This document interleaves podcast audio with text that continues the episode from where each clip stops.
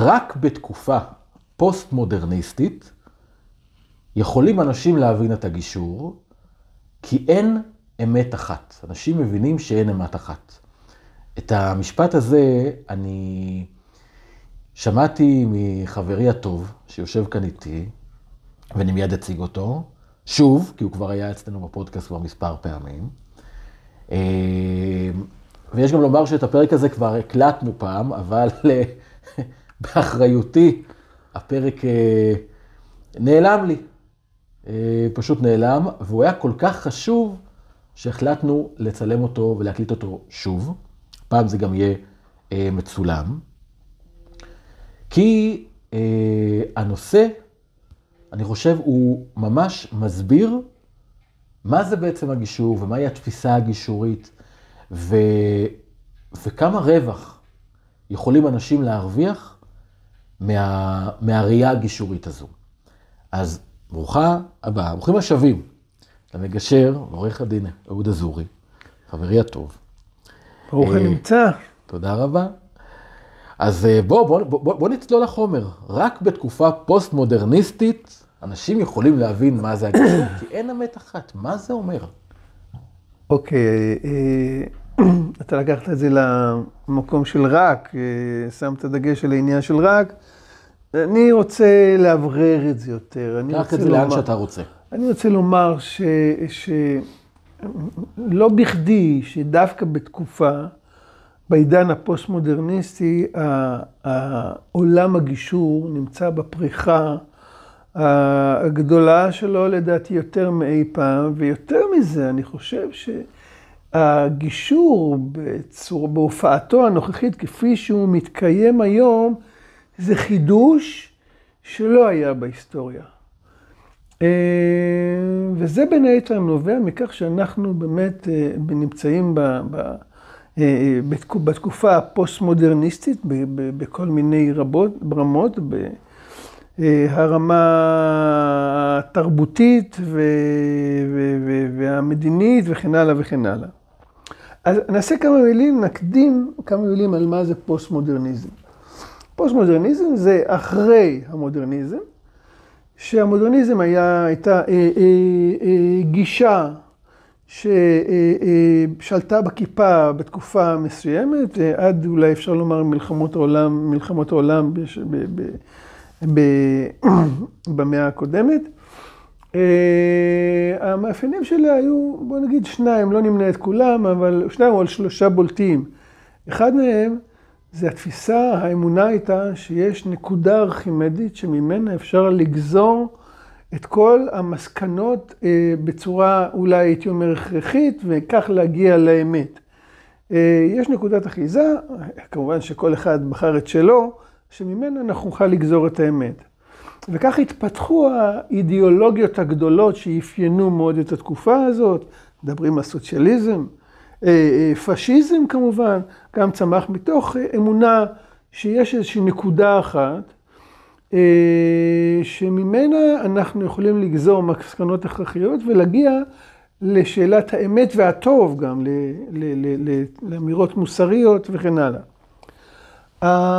העידן הפוסט-מודרניסטי קם במובן מסוים כמחאה, אפשר לומר במידה מסוימת לתפיסה הזאת. הפוסט-מודרניזם נולד אחרי שתי מלחמות עולם. כאשר אה, אה, אה, התפיסה הייתה בתקופה המודרנית שהקדמה היא מין דבר נפלא שאנחנו הולכים להיות, לשפר את חיינו רק לטובה, ובעצם מלחמות העולם הפריחו את זה, כי הקדמה יצרה את האפשרות לראשונה שהעולם יכול להתאבד גם כן, עם, עם פצצת האטום וכן הלאה. וכל התיאוריות והאידיאולוגיות הגדולות אה, אה, הועמדו בסימן שאלה. אה, המאפיין הבולט ביותר, האמירה הבולטת ביותר של הפוסט-מודרניזם היא האמירה שאין אמת.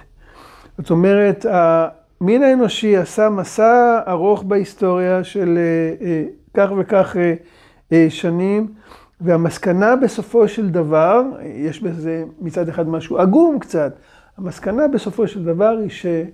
אחרי שנים של אה, אה, היסטוריה של פילוסופיה וכן הלאה, שאין אמת. אה, אז יש צד כזה אה, עגום במסקנה הזאת של הפוסט-מודרניזם, אבל מצד שני יש בזה גם מידה של ענווה. זאת אומרת, אנחנו לא יודעים הכל. כשאנחנו יוצאים מתוך נקודת המוצא שאנחנו לא יודעים הכל, אז אנחנו אה, אה, נמצאים במקום אחר. אה, לא בכדי בתקופה הזאת התפתחו, אה, התפתחה תפיסת הדמוקרטיה בצורה הנוכחית שלה, חופש הביטוי בצורה הנוכחית שלו. אז אם ככה אין אמת, אין אמת ערכית מסוימת, מה כן יש, לפי הפוסט-מודרניזם? יש סיפור, יש נרטיב. כל תרבות, כל אדם בעצם, גם כאינדיבידואל, יש לו את הנרטיב שלו, וכל הנרטיבים לגיטימיים באותה מידה. זאת אומרת, אנחנו לא יכולים להעדיף נרטיב כסיפור, כן? אחד על השני. מכיוון שאין לנו אמת מידה, קריטריון אובייקטיבי שעל פיו אנחנו יכולים לבחון מה נכון יותר. ואם יהיה לנו את האמת מידה הזו, זאת אומרת... אז זה, זה, זאת בדיוק טענת הפוסט-מודרניזם, אין. זה המסקנה, שאין. יש לי כאן בקבוק. לכן אנחנו צריכים לחפש משהו פה, אחר. פה על השולחן עכשיו יש בקבוק. בקבוק זכוכית, יפה, מעוגל, יש בתוכו מים. אפשר להסכים שזה אמת? לעומת איך הסיפור. אתה נכנס, אתה ממש נכנס ל, ל, לסוגיות פילוסופיות מאוד מאוד עמוקות, שמעלות את שאלת הזהות. בסופו של דבר, אני, uh, to make a long story short, הפוסט-מודרניזם יטען שאין, אין כזה. יש בקבוק, הנה בקבוק, הנה הייצוג של בקבוק, אבל יש בקבוק אחר, זה בקבוק זכוכית, יש בקבוק חרס, יש בקבוק קרטון וכן הלאה וכן הלאה. זה בקבוק זכוכית. אוקיי, אז, אז אתה נכנס לשאלת הזהות שהיא שאלה שעסקו שנים. אני רוצה כדי לחדד, ה... כדי לחדד את הפער, כי מאוד קל לי להבין את הנושא הזה, אני גם חושב בתור האדם מבחוץ.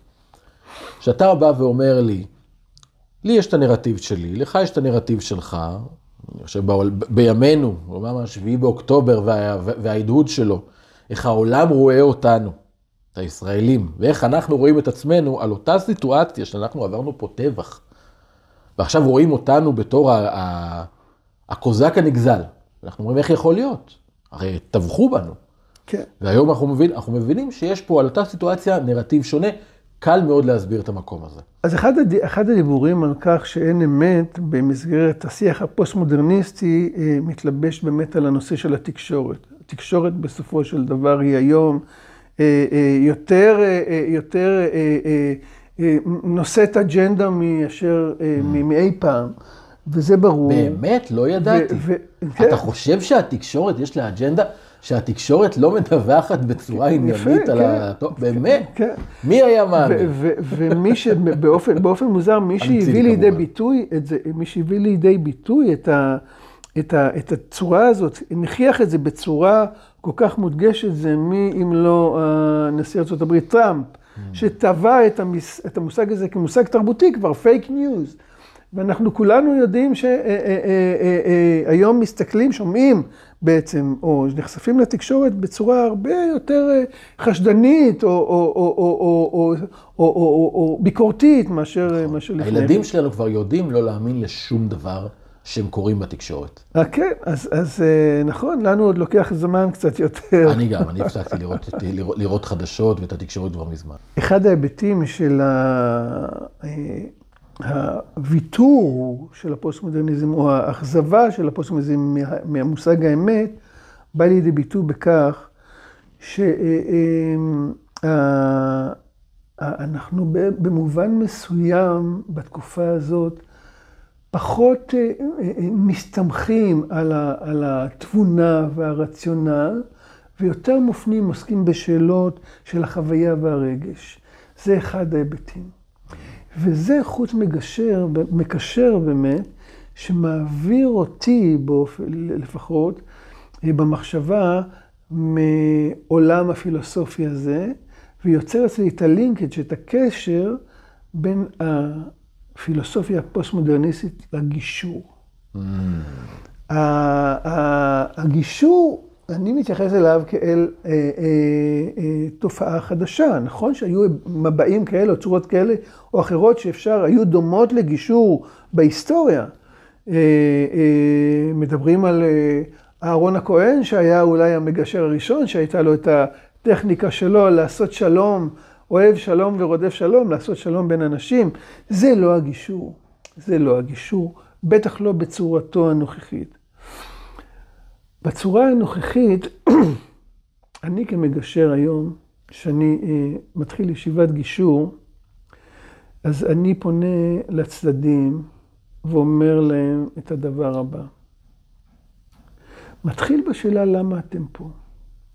אבל לפני שאתם עונים לי על השאלה מדוע אתם פה, אני רוצה לתת לכם, לבקש מכם, או לתת לכם מעין הנחיה איך אני רוצה שתענו לי על השאלה הזאת. וההנחיה היא כזאת, אני לא רוצה לשמוע עובדות. אני לא רוצה לשמוע את האמת, אני לא רוצה לשמוע טענות של צדק. לא, שום דבר מהדברים האלה. אני רוצה לשמוע סיפור. אני רוצה לחוש תדר דרך סיפור, כל אחד עם הסיפור שלו. כמובן, כאשר, כאשר אנחנו מדברים על סיפור, על נרטיב, אז בשונה משאלות אמת וצדק, זה לא דבר, ש... זה לא מושג שאפשר להתייחס אליו במונחים שיפוטיים. הסיפור שלי הוא כזה וכזה, הסיפור שלי עכשיו הוא שאני מרגיש מושפל. מה, אפשר להפריך את זה? אפשר להגיד לי זה לא נכון? אפשר להגיד לי זה לא צודק? נגיד, נניח, אני כן מציג אינטראקציה, אינטראקציה בין אה, איש לאישה, יש סיפור, יש לי, עכשיו, זאת החוויה שלי, מי, מי יכול, כך, כך, כך המציאות נקלטה בכלי ההכרה שלי, כן? הרגשיים והשכליים. ככה היא נתפסה. האם מישהו יכול להפריך את זה? תמיד כשאנחנו נכנסים לשיח של אמת ושל צדק וכן הלאה, אנחנו עושים את הדבר שכל מגשר מתחיל יודע שאסור לו להיקלע אליו. כשאנחנו מדברים בשיח של אמת וצדק, אנחנו בשיח של עמדות. ותפקיד המגשר תמיד הוא להסיט את השיח משיח של עמדות לשיח של צרכים, ואת זה אנחנו אה, אה, אה, יודעים אה, לא מהיום. אתה בעצם מדבר פה על הגישור הנרטיבי. אתה להגיד, הגישור הנרטיבי שבא ואומר, כל אחד בא עם הסיפור שלו, ועכשיו מתוך הסיפור ההדדי בוא נייצר סיפור משותף של איך כולנו רואים את העבר, הווה ואת העתיד. ואז אתה אומר, אני בתוך התקופה הפוסט-מודרניסטית, לוקח עכשיו את הסיפור, את הנרטיב של כל אחד, שכבר יוצא מנקודת הנחה, כי אנחנו כבר מאז המלחמות העולם מבינים את זה, של אין אמת אחת, וכל אחד יש לו את הנרטיב שלו, וכל אמת שווה לאמת האחרת. ועכשיו בוא ניתן מקום לכולם, ונעשה את זה בתוך מקום של קונפליקט. בדיוק, נכון. אבל אה, הטענה שלי יותר מכך, הטענה שלי שכל אה, גישור, גישור נרטיבי בסופו של דבר, כל גישור בסופו של דבר מתעסק בסיפור, מתעסק למעשה המגשר, כשהוא מבין את הסיפור שהביא את הצדדים לנקודה שהם נמצאים בה כיום, אז הוא בוודאי יכול, אה, יש עם מה לעבוד, יכול להתאים להם את הכלי הנכון עבורם, אה, אה, הגישורי הנכון עבורם, שאגב, לא תמיד זה בהכרח הסכם גירושי. יש, יש, יש דיון שלם, במקרה הבוקר, קיבלתי הודעה, איזושהי, אני אעשה פרטים מוכמנים, סטודנט או סטודנטית, באחת המכללות בארץ, סיפור אמיתי, קרה הבוקר. שואלים אותי שאלה על הסרט שושן צחור. זוכר את שושן צחור? הוא היה, זה הסרט בגדול היחיד. אני חושב חוץ מזה שלי יש גישור מצולם שאני מכיר אותו בפרקטיקום, זה הסרט היחיד שבעצם צילם גישור בישראל, זה היה מטעם משרד המשפטים. יש שם מעצבת פרחים, ויש שם אה, בעל אולם, יש ביניהם קונפליקט, סביב הזמנה שהייתה צריכה להיות לשושן צחור. נראה לי שכן, נראה לי כן. אה, מראים אותו, כן, פשוט, כן. יש לי אותו באתר, עשיתי עליו, אה, שידרתי אותו ודבררתי אותו. אוקיי. אה, והיא שואלת אותי, אותו סטודנט או סטודנטית, שואלים אותי, האם הגישור בגישור בשושן צחור, היום אני אחרי זה אקריא לך את ההקלטה, האם זה גישור נרטיבי או טרנספורמטיבי? התחברת בדיוק למה שאתה אמרת, כי כל גישור הוא נרטיבי, וגם כל גישור הוא טרנספורמטיבי. לגמרי, נכון. וגם כל גישור הוא בכלל הסכמי. ואלה בגדול שלושת הסוגים של גישור, הכל במרחב בטוח לשיח. אבל לבוא לחדר הגישור, פה בגלל מאוד התחברתי גם לפוסט-מודרניזם. בעיקר בתקופה כזאת של ווק, ושבעצם הכל מותר והכל יכול להיות, זה שאנחנו התרגלנו, אני רוצה פה לחבר את זה גם בתוך המקום הזה, בפודקאסט הזה, לעולם הקונפליקטים, עולם הגירושים, עולם המאבקים המשפטיים הגדולים. אנחנו בלימודי המשפטים שלנו, אנחנו למדנו לייצג עמדה, למדנו debate. למדנו להיכנס בנעליו של כל מי שתגיד לי, ולייצג אותו כעובדה, אה, עובדות מהצד שלי, נרטיב כן, מהצד בר... שלי. למדנו לכאורה את המושג האבסורדי הזה של לייצג את האמת. אנחנו, בדיוק. כשאנחנו באים וטוענים בבית המשפט, אנחנו לכאורה טוענים בשם האמת. זה של אה, אה, בית המשפט, אה, הכלים שלו להגיע לחקר האמת הם מאוד מאוד מוגבלים, זו שאלה בפני עצמה, אבל כמובן, ה-state of mind שאתה טוב בשקט. State of mind, כשאתה מגיע לבית המשפט, אתה מגיע לשכנע בצדקתך, טענות של צדק ושל אמת ושל עובדות, הם, הם, הם הנותנות, הם העיקר. אז אני רוצה להוציא עכשיו כותרת, ואתה נראה אותך אומר לי, אתה תגיד לי כן, אני חושב. אני, אתה רוצה שלי להגיד את הכותרת? כן. אני אגיד את הכותרת. תגיד אותה. יש הרבה אנשים שמוצאים את עצמם מתעמתים ברחובות, האם כן לעשות מהפכה משפטית או לא לעשות מהפכה משפטית. מבחינתי, המהפכה המשפטית כבר בעיצומה, והיא נקראת גישור. המהפכה המשפטית בעצומה, בעיצומה, והיא נקראת גישור. והיא נקראת גישור. חד משמעית. ואנשים באמת מוסטים מהמחשבה היום ללכת להתעמת בבית המשפט ולהשיג את הטענות הצודקות שלהם, בין אם ישיגו ובין אם לא ישיגו, באמת אני חושב שיש תנועה כזאת בתפיסה החברתית, לא רק בישראל, בכל העולם. נכון. שבוחרת, מעדיפה, מעדיפה את השיח, השיח הנרטיבי, הטרנספורמטיבי, אה, בוחרת בו במודע, מאשר האופציה, בהרבה מקרים מאוד עגומה של אה, אה, לברר מחלוקות בבית שזה המשפט. שזה אומר בעצם שבעודן הפוסט-מודרניסטי, עולם המשפט אינו רלוונטי. בעצם זה לריב היום, מבחינתי. אתה, אתה, כבר, נגררת לעיתן לא, הקיצוני. זה, הכותרת שלי. אנחנו מקובלנו מבית אבותינו שאלמלא חייבים, אנחנו, החברה, האמנה החברתית מחייבת שיהיה הגנה על החברה מפני פרטים מסוימים שעלולים להשיג לה. חד משמעית. נאמר במקורות, אלמלא מוראה של מלכות, איש את רעהו חיים בלאו. היה לנו ויכוח על חשיבות. אז אנחנו לא ויתרנו על בית המשפט, אולי באחרית הימים נצליח. להיפטר, לא להזדקק לבתי המשפט. אין ספק, כמו שאמרה רבקה מיכאלי בשירה על הרצל, גם הרצל מתהפך, הזונה הראשונה כבר עומדת בכביש. ברור לחלוטין שיש פה אה, דין פלילי וצריך את מערכת המשפט.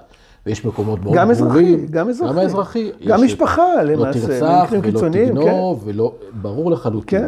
אבל בין אדם לאדם, בעולם שרץ כל כך מהר, טכנולוגית, חברתית, שסבך החוקים אינו משיג את הטכנולוגיה, שאינו, מי בכלל דמיין שיהיה אפשר לגנוב זהות על ידי אבטאר? אין דברים כאלה.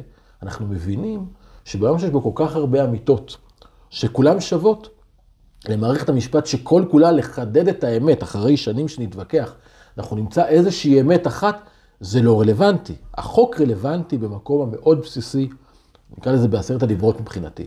לא תגנוב, לא תרצח, הדברים באמת המאוד מאוד ברורים שהקו ביניהם... עכשיו אני מרגיש, מרגיש, את ה, מרגיש את המשיכה שלך לנושא ואת ה... כמה, כמה הנושא מפעיל אותך.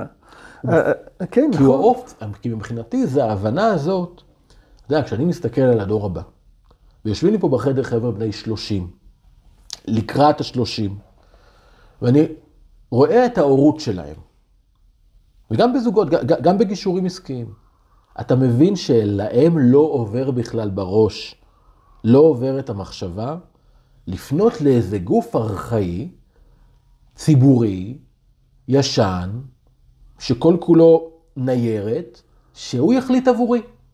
כי מבחינתם זה ברור, האמת הזאת שאתה אומר אותה, שבדור שלנו קצת יותר מורכבת להבנה, אבל הדור הצעיר הוא כבר יודע אותה.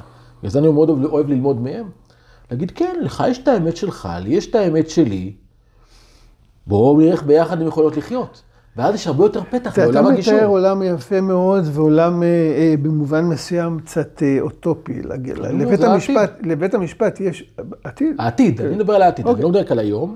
כן, גם היום לבית המשפט יש מקום של כבוד בהליך הגישור. אנחנו בעצמו, כן. איפה? הוא, במובן מסוים, הוא נמצא ב-back of the mind של ה- של המתגשרים, שיודעים שהסלמה עלולה אה, להביא אותם אה, לבית המשפט, ויש כאלה שרואים. גם אם יש כאלה שרואים את זה, אה, לפתוח את שערי הגיהנום, עדיין זה אופציה אה, אה, ריאלית במסגרת החברתית שבה אנחנו נמצאים היום. ופחות ופחות. פחות ופחות. זה, נכון, זה אני מסכים איתך. פחות, ואני ואני קורא על 15 שנה שלי בתחום הזה, כמעט חמש, אני... פעם זה היה מאוד דומיננטי, היום זה כבר באמת נהיה כל כך, אני יכול להגיד לך שנגיד בעולם הגירושין, יכול להגיד, יש כבר שני סוגים היום. יש אלה שמבינים שמולם שותף, ויש אלה שרוצים לקרוע אחד את השני, אלה שרוצים לקרוע אחד את השני זה מיעוט רעשני ואומלל, הולכים לעורכי דין. הרוב הגדול מבינים שמולם שותף, הם הולכים לגישור. אנחנו רואים את זה בנתונים. אה, תראה, אני, אני, אני, אני אוהב אה, קודם כל את הראייה האופטימית שלך, אבל זה- אלה עובדות. אני, אני קשה אלה לי, עובדות. קשה לי, קשה לי לומר, קשה לי לומר, אנחנו בשיח על פוסט-מודרניזם, אז אה, אני מפרש את העובדות בצורה שונה משלך. כמות מתגרשים. אני- כמות אני- מתגרשים לעומת, לעומת, לעומת כמות תביעות משפטיות. בירידה? לא, לא, לא, לא, ודאי, ודאי, אבל, אבל לומר שיש כאלה שבאים, אה, אה, אה, בישיבת הגישור, בחדר הגישור, בצד השני כשותף, זה קצת מרגיש לי אה, מרחיק לכת. לא, הם כולם באים, הם כולם לשתיים, באים, זה ברור כן. לא, אבל הם כולם באים עם מידה מסוימת של חוסר אמון בצד השני, והם כולם באים עם מידה מסוימת של, עם חרדה, ועם סינדרום הפראייר, וכן הלאה וכן הלאה. אולי סינדרום הפראייר לא מאפיין את כולם, יש כאלה שמתעלים מעליו, אבל הם כולם באים עם זה. אז, אז לא כולם רואים בצד שני. כשותף. בסוף, גם אני פראייר, וגם אם אני קושי, וגם הרגשות, אני מבין שמולי אדם שהוא הולך להישאר. זה השתנה. פעם, עדיין יש כאלה בקיצוניות שאומרים, אולי אני יכול לבטא את ההורות של האוחר. זה, זה, היום חלק, לא. חלק מהתפקיד של המגשר, אה, אה, אה, זה, זה עיקר אולי התפקיד של המגשר נכון. לדחוף את זה, כן. תמיד אני רואה את הפער, פער ממש משמעותי, אני מרגיש שהפגישה, פגישת הגישור הראשונה היא מאוד מאוד קריטית, היא צומת מאוד משמעותית. שלב קריטי בתהליך. נכון. אף פעם לא מגיעים לפגישה השנייה כמו שהם היו בפגישה הראשונה.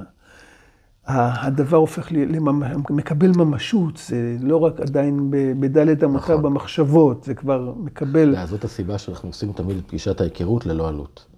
כי אני יודע שגם אם יבואו והם לא יתחילו, נתתי להם ולילדים שלהם ערך. כי נתנו להם עכשיו, מישהו בא והראה, שיכול להיות שאתם תבחרו דרך אחרת או מגשר אחר, וזה ממש בסדר. אבל הם ישבו פה ביחד, יפה. ישבו. ביחד ושמעו שיש מסלול אחר, שהוא. כולו בטוב, והוא של שותפות חדשה. זה האג'נדה, אנחנו בכל הארץ, שיחות כאלה בחינם בכל הארץ. הרוב מתחילים לשמחתי, אבל גם אלה שלא, אני יודע שזרענו איזה זרע שעוזר לי לישון. כי זה, זה, זה כל כך נכון מה שאתה אומר. כן. ממפגש ראשון שונה לחלוטין ממפגש שני. וזה כן. כי מאפשרים את המחשבה הזאת. כן. ואחד הדברים שבאמת צריך לעש- לעשות, באמת, תפקידו של המגשר, זה באמת, אה, יש כאלה שבאים מוכנים, אה, ולא מתמקדים דווקא בשאלות האמת והצדק. אבל אחד הפעולות שבאמת תפקידו של מגשר, ופה זה ממש תפקיד קריטי, זה להצליח להעתיק את, ה, את ה mind שלהם, התפיסה שלהם, את התודעה שלהם משאלת האמת והצדק, לשאלת הסיפור והצרכים והאחריות שלי בסיפור. גם אם, האחריות, כן, גם, גם, גם אם האמת איתי במאה אחוז, נכון. וכל אה, בית איך משפט היה? טוען, היה, היה אה, טוען שאני צודק באופן מלא, עדיין, עדיין משהו בזוגיות יצר את התדר הזה שהביא לתוצאה הזאת. ולכל אחד יש 100% ב-50% שלו, ב-50% אחריות שלו על יפה, העניין הזה. משפט יפה. אז, אז, אה, אז, אה, אז אז- זה? אז להב- להביא את האנשים לדעת את זה. מה עושים את זה? אני אגיד לך, אני, אני מדבר בהפרזה קצת עכשיו. הערכים של אמת וצדק, ערכים נשגבים, כן, בעיניי. אני לא פוסט-מודרניסט, זה לא היה ברור עד עכשיו. אבל בחדר הגישור יש להם ערך שלילי. הם לא רלוונטיים, הם לא חשובים. המגשר צריך להיות ניטרלי, נכון? אבל הניטרליות לא מסייעת לו להגיע לחקר האמת. הוא, אם תהיה לו יומרה כזאת של למצוא את האמת, הוא מעל, הוא, הוא מיד ייכשל. אתה, אני מניח שאתה מבין, יודע מה שאני אומר. איך מעתיקים את התפיסה הזאת, את התפיסה של אמת וצדק לתפיסה הנרטיבית, לתפיסה של הצרכים, לתפיסה של האחריות? אה, זה, זה לא פשוט, כל סיפור זה סיפור בפני עצמו, אבל אה, עם הרבה אמפתיה. עם הרבה אמפתיה, וכל הגישור עם כזה. אמפתיה, עם הרבה אמפתיה. האמת היא שהאמת לא חשובה. נכון. אני חושב שברגע שמבינים את זה, זה הסיפור. עכשיו, ישבו לי פה בחדר אנשים, וסיפורים, באמת, הצד השני, אני יכול, הוא חרא בן אדם. אני אומר את זה, חרא בן אדם. סליחה, זה יפי הפודקאסט שלי, מותר לי להגיד דברים כאלה. באמת, חרא בן אדם, מה שהוא עשה, נורא ואיום. אבל מה לעשות, זה האבא. זו האימא, עם זה צריך לעבוד. ואתם צריכים לבחור, לחיות בעבר או להיות בעתיד. הניסיון שלי מראה שאם אתה בונה לעצמך לאן אתה רוצה להגיע, ואתה משתמש בכל האנרגיה הקשה הזאת שיש עכשיו, כדי להביא אותך למקום שבו אתה תהיה, אתה תגיע לשם הרבה יותר מהר ממה שאתה חושב, ואז אתה תוכל להסתכל ממרום האולימפוס, ממקום מאוד גבוה שהגעת אליו, ולהסתכל אחורה, ולהיות לא בכעס כלפי ההורה השני, שבאמת פגע, כי הוא חרא בן אדם, אמרתי, אלא להיות אליו בחמלה אפילו. וברגע שאתה מסוגל להיות בחמלה כלפי אדם שפגע בך, אתה במקום מאוד מאוד גבוה, והחיים שלך ישתדרגו בצורה פנומנלית. ומבחינתי, בתוך הגישור זה לשם. עכשיו, זה לא נעשה בתוך, עזוב, מה שהיה לא רלוונטי. זה בעזרת האמפתיה, בעזרת החמלה, בעזרת פשוט לשאול את השאלות ולהיות בתוך החדר ולהראות את המציאות העתידית, okay. אוקיי. כי העבר עבר, וההווה חלוף. אוקיי, אז, אז אמרנו, אמרת, אמרנו אמפתיה. אה, אה, ואני חושב שפה גם יש ערך מאוד מאוד גדול לשיקוף, לאופן שנעשה השיקוף. אה, מילה ו... מסוכנת בעולם הגישור. מילה, מילה מסוכנת. מסוכנת מאוד מבחינתי. מסוכנת מבחינתך? כן. טוב, אולי זה עניין לפודקאסט נפרד, אבל לא, לא באופן... לא, בתוכם, בוא, אנחנו מדברים על זה. אבל, אבל האופן, אני... כי אופן השיקוף, ברגע שאתה אומר, כן. יכול להיות שיקוף מדהים, יכול להיות שיקוף אה, שהוא קצת כן. מביא מזווית המגשר, אוקיי. ואז זה מסוכן. כן, כן, לא, ודאי, שהשיקול, תראה, השיקול תמיד יביא משהו ממקום המגשר, אבל הרבה פעמים, הרבה פעמים אני נוכח כשאני עושה את השיקוף, אני מחדד להם, מחדד לצד שאותו אני משקף את הניסוח, ניסוח שהיה כזה מעורפל אצלו, משהו, אה, אה, משהו, אני רואה את ההנהון כזה. מדבר על זה על שיקוף או reframing? מדבר על השיקוף, reframing, לא מדבר על ה reframing okay. אוקיי. עכשיו. אני, אני, אני חוזר על הסיפור שלו ב, ב, בשפה שלי, mm-hmm. הרוב, הרוב גם בשפה שלו. וכבר שם יש איזשהו מסר סמוי שעובר. אני, אני לא נורא מכבד את הסיפור שלך. אני, אני בטוח שאתה אמיתי, והסיפור שלך הוא אותנטי לגמרי. ועכשיו, מה אנחנו עושים עם זה? זה כל כך חשוב לך שאתה הוא בצד של האמת והצד השני הוא בצד של השקר. נגיד, אפשר להעתיק אותו מצד האמת. השאלה עכשיו, איך להעתיק את המגשר מתפיסת הצדק שלו. זאת שאלה הרבה יותר מורכבת. היא הרבה יותר פשוטה. הוא צודק, הרי הוא צודק, הוא יודע שהוא צודק, כולם יודעים שהוא צודק. אם מישהו ייכנס לנבחי נפשו וידע בדיוק למה הוא עשה את מה שהוא עשה, כל אחד שיראה את זה ישים חותמת שהוא הצודק האולטימטיבי. כן? איך תגיד לו? איך תגיד, תעביר למתגשר? יקירי, זה לא חשוב. אני יכול להגיד את זה ככה, אבל לא שקף, יודע, אני לא משקף.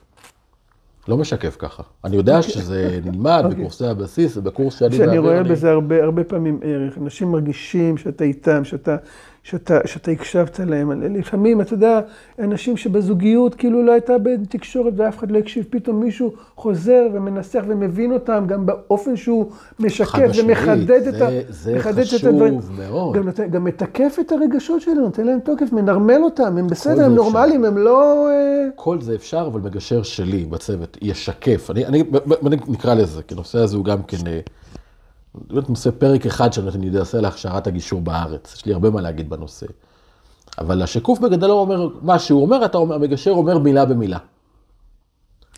וזה מניסיון... לא, זה לא, בוודאי לא מילה במילה, אני אמרתי ש... לא אמר, אמרתי לא, שלא אמרתי, מילה. השיקוף בגדול. למה, למה? הרי אני לא ראיתי אותך מגשר, אז אני לא, לא יודע. אני חושב שתסכים איתי בתוך הדבר הזה, כי אני הייתי רוצה לה, את המונח שיקוף, כמו שהוא נלמד בקורסי הבסיס, אני הייתי רוצה להעלים אותו. כי להגיד, כי בגדול, שלהגיד מילה במילה מה הצד השני אומר, כדי לתת לו ולידציה לדברים, בעיניי זו טעות, כי כמו שאתה אומר, המגשר פה נותן את הדעה שלו. אין, הוא לא, לא יברח מזה. אתה יכול לתת לצדדים לשקף אחד את השני. אפשר לשאול שאלות, אפשר להדגיש, אפשר לחזור על משפט, אפשר לעשות הרבה מאוד דברים שאדם יכול לעשות כדי לתת באמת, כי הבן אדם בחדר הגישור צריך לקבל ולידציה, לקבל אישור שהרגשות לא לגיטימיים. וזה באמת לגיטימי, וזה באמת מותר. זה בין היתר נעשה במסגרת השיקוף, בסדר, זה לא, אולי זה, אנחנו אה, לא...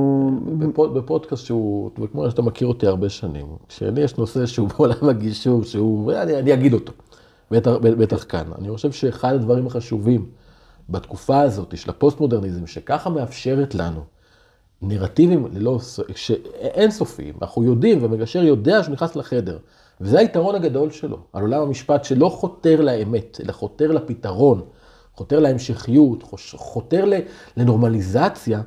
יכול המגשר לחסוך מעצמו את הכלי הזה של מסכן אותו בלהגיד את דעתו, ולפעול בהרבה כלים אחרים. אגב, אני נותן אותם בחינם, אצלי הקורס גישור בסיסי חינם באינטרנט, זה שם.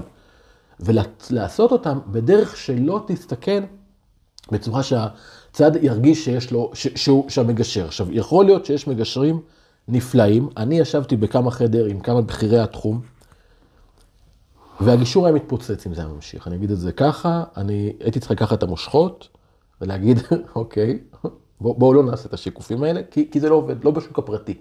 אולי בשיח משפטי זה יכול לעבוד, לאדם שלא... אני לא בטוח שאנחנו מדברים על אותו מושג. אנחנו באמת, אני, תמיד יש לי איזו פנטזיה שאני הייתי רוצה לשבת עם מגשרים אה, מומחים, עם מגשרים עם הרבה ניסיון. אני ישבתי המון. כמוך ודאי, ולראות, ולראות אה, איך, איך אתה עובד, רק מהצד, זבוב על הקיר. יש, הראיתי לך את תשע שעות שלי מצולמות. כן, כן, אבל, אבל זה, זה, זה מורכב, זה גם היה גישור מאוד מאוד, אה, בוא נאמר... על מי מנוחות במובן מסוים, הוא היה... רוב הגישורים שלי כאלה. כן, כן. רוב הגישורים הם כאלה, אני יודע לקחת, אני קולט ברקים. אני מריח מתי זה עולה ואני יודע, ואני יודע לנתב את זה. בלי שאני אגיד מילה, לכן אני, לכן אני מאוד סקרן, לנוכח מה שאתה אומר, הייתי שמח באמת לראות איך אחרים עובדים. איך אחרים עובדים. אבל... אבל כשאנחנו מדברים בפוסט-מודרניזם, זה, זה היופי, אני חושב, וזה זה הכסף בגישור. אתה יודע, אחרי 30 שנה, הגישור פה 30, הפורמלי, מ-Getting to Yes ב-1982. זה כבר כמעט 40 שנה, שזה קיים. אותה, אותם כלים, אותם כלים. רפרמינג, שיקוף, שאלות, זה, זה, זה אותו דבר. וכל הזמן הגישור שם היה כאח קטן כזה של עולם המשפט. ופתאום, הנה, אתה אומר את זה, ואני צריך להגיד, אני רגע, אתה, אתה תעצום את האוזניים רגע, כי אני הולך להגיד את זה, אבל עורך דין אהוד אזורי, הוא עורך דין מעולה היה. אני אומר היה כי אני לא רוצה שתחזור לשם. שעשה משכמו ומעלה, ויש תקדימים על שמו, והוא הגיע לעליון, והוא ייצג בתיקים רבי משמעות, והוא עורך דין לעילה או לעילה. זה, אני אומר את זה, וככה, אבל אתה תשאר בגישור, הכל בסדר. כן, כן. וכשאדם כזה, כמוך, בא ואומר, המהפכה האמיתית שקורית, זה לא הרפורמה הזאת, רפורמה הזאת, זה עולם הגישור, כי רק הגישור מאפשר את החופש הזה, את הפלורליזם הזה, להחזיק כמה אמיתות בו זמנית, וכל האמיתות הן שוות הן, זו אמירה אדירה שמאלצת, היא חייבת לאלץ מבחינתי את כל עולם הגישור, נכון. לעשות רוויזיה, ולהגיד, אנחנו כבר לא האח הקטן של המשפט. עולם המשפט זה הכבשה השחורה שמשום מה אנשים, כי כלכלית והם רגילים והכל ממוסד לשם, כן. אבל זאת שיטה שהיא כבר הרבה פחות רלוונטית. יש מקומות שהיא רלוונטית. במערכות יחסים עם מדינה, פלילי, תשאר שמה. בתוך מערכות, מערכות יחסים בין אישיות, שכל אחד בא עם הנרטיב שלו, אנחנו צריכים לייצר מציאות שבה הנרטיב שלי ושלך מייצר משהו אני מסכים איתך, אני מסכים איתך. תראה, אין ספק שבתי המשפט מעריכים ויש בהם אה, הכרת התודה למוסד הגישור ולמה שהוא עשה עבורם. הקושי שלי הוא קצת עם העובדה שהכרת התודה של בתי המשפט לעולם הגישור מתמקדת בעיקר בנושא של הסרת העומס. העולם, העולם המשפטי, ואולי בכלל, אבל זה תהליכי כמובן, עדיין לא מכיר בערך החברתי הנשגב שיש, שיש לעולם הגישור. בערך החברתי, ביכולת הזאת לקחת אחריות ולדבר. נכון. ולדבר. ולעמוד מול צד שלישי בעצם, שיהיה מראה עבורך, מראה שבסופו של דבר תסייע לך למצוא את, אה, את, את, את הכלי, את, ה, את התוצר הנכון עבורך. נכון. עכשיו, אנחנו התחלנו את הפודקאסט הזה באמירה הפוסט-מודרניסטית שאין אמת. אבל בגישור, למרות כל מה שאמרתי, אפשר להגיע לאמת. בסוף מגיעים. ואני אגיד לך מה אני חושב. כן. איך האמת באה לידי ביטוי בגישור? כאשר אתה מצליח להביא צדדים, להיות אותנטיים, להיות אמיתיים עם עצמם, לתת ביטוי אה, מלא ואמיתי לעצמם, שהוא אה, הוא, הוא לא, הוא, הוא מנוטרל עד כמה שאפשר מפחדים, שהוא מנוטרל עד כמה שאפשר מחשש משיחות קשות, אה, מחשיפות כאלה אחרות, שהוא מלא בשקיפות, אז אתה כמגשר יכול ליצור את ההסכם המדויק עבורם. כל מילה. וההסכם המדויק, זאת האמת שלהם בסופו של דבר. כך שלסיפור הזה יש סוף טוב. זוג שהגיע להסכם גישור מדויק עבור עצמו, שיהווה עבורו אה, אה, קונסטיטוציה נכונה לתקשורת ההורית והתקשורת שלהם בעתיד, הוא כבש הרבה יעדים, אבל גם את היעד של אמת הוא כבש. כל מילה, לקחתי, חד משמעית. ואיזה יופי שיש לנו את הזכות לעשות את הדבר הזה ולנהל תהליך שסופו שכזה. נכון. תהליך הזה, בכלל, אתה יודע, הרבה אומרים לי בתוך התהליך הזה, אני אסתכל גם בזה, אמ, שהרבה זוגות אומרים לי, למדנו משהו לחיים מתוך התהליך. כי שיטת המחשבה, שיטת הראייה שמפרידה, כמו שאמרת, עמדות ואינטרסים, מה אתה אומר, למה אתה צריך, ומאפשרת לנו לשבת בחדר עם אדם שיש לנו רגשות סוערים כלפיו, אבל להבין את הנרטיב שלו ושהוא יבין את הנרטיב שלי, ומתוך ההבנה להגיע להסכמה, המקום הזה מלמד משהו בכלל על החיים. שאיך אני יכול לפתור אחרי זה מחלקות בבית, בעבודה, בחיים, בהחלט, בכל מקום. בהחלט. שזה זה הקסם, זה הקסם הגישור, המילה, השני, שני המילים כל כך משקפות את זה. אצלי גם, מכל השיח הזה, אה, אה, המחשבה שלי הולכת ומתפתחת, ומבחינתי הסיכום של השיחה הזאת בינינו, הוא אה, גם מאוד פרקטי ופרגמטי. כשאנחנו העמדנו את האופי הניגודי שבין הפתרון סכסוכים באמצעות בתי המשפט לעומת הגישור, כשראינו שבית המשפט מנסה, היא אומרה פיקטיבית במובן מסוים, להגיע לחקר האמת, מה שכנראה אה, אה, אף פעם אה, לא יהיה לו את הכלים המלאים לעשות את זה, או להגיע לצדק, אז, אה, והגישור בכלל, המונחים האלה, אמרנו שהם מהווים במובן מסוים ערך שלילי אה, בהליך הגישור. אז המסקנה החשובה הפרקטית שאני לומד מזה, ואני לא רוצה כמובן אה, להטיל דופי באף אחד, שאת עולם הגישור צריך לנתק מעולם המשפט. ובמדינת ישראל יש טעות נכון להיום, שאני מאמין ש... תלך, ככל שהתהליך יתפתח, תשתנה.